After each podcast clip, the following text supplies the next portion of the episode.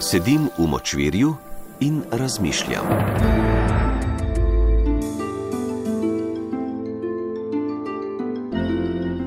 Zapisi iz močvirja.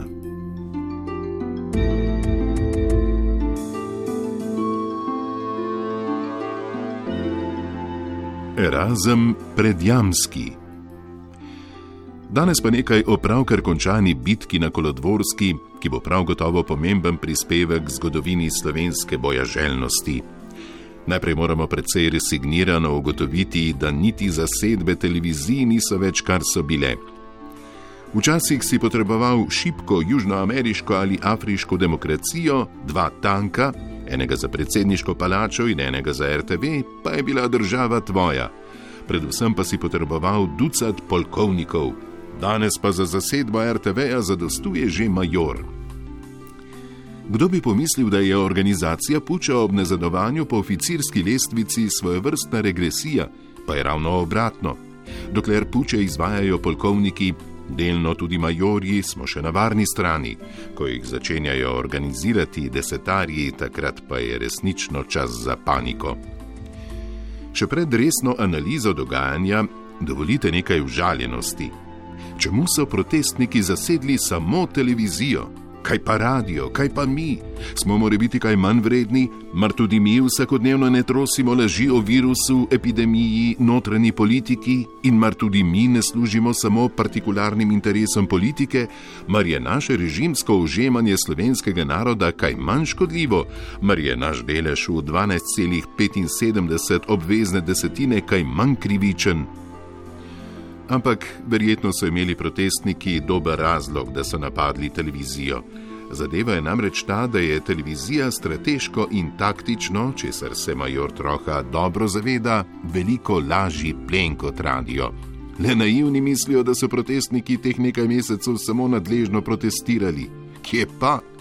Natančno so opazovali in beležili ter pozneje analizirali supermoderna odmična vrata, skozi katera se vstopi v stavbo televizije. Ko so jih naštudirali, so udarili. Radio čez cesto pa je neka povsem druga zgodba.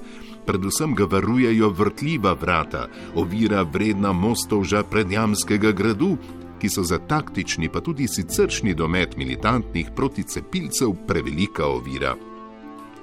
Poleg tega, če bi se že prebili v avlo, so naši vratarji, postavni fantje.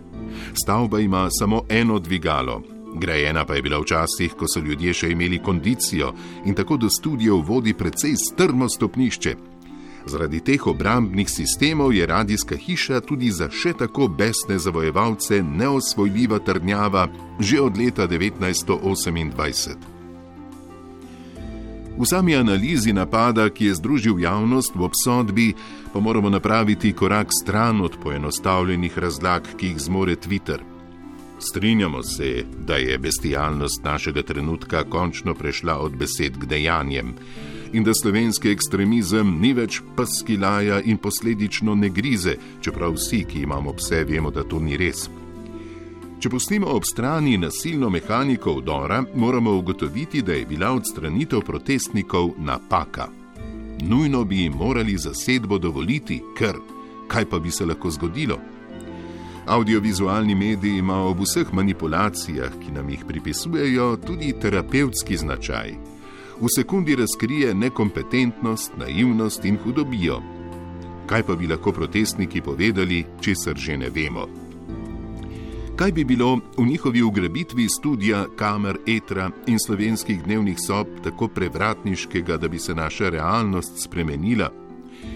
Trdimo, da bi le razkrila vso bedo a priori proti filozofije, ki nas je kot družbo ohromila in prikovala na mestu.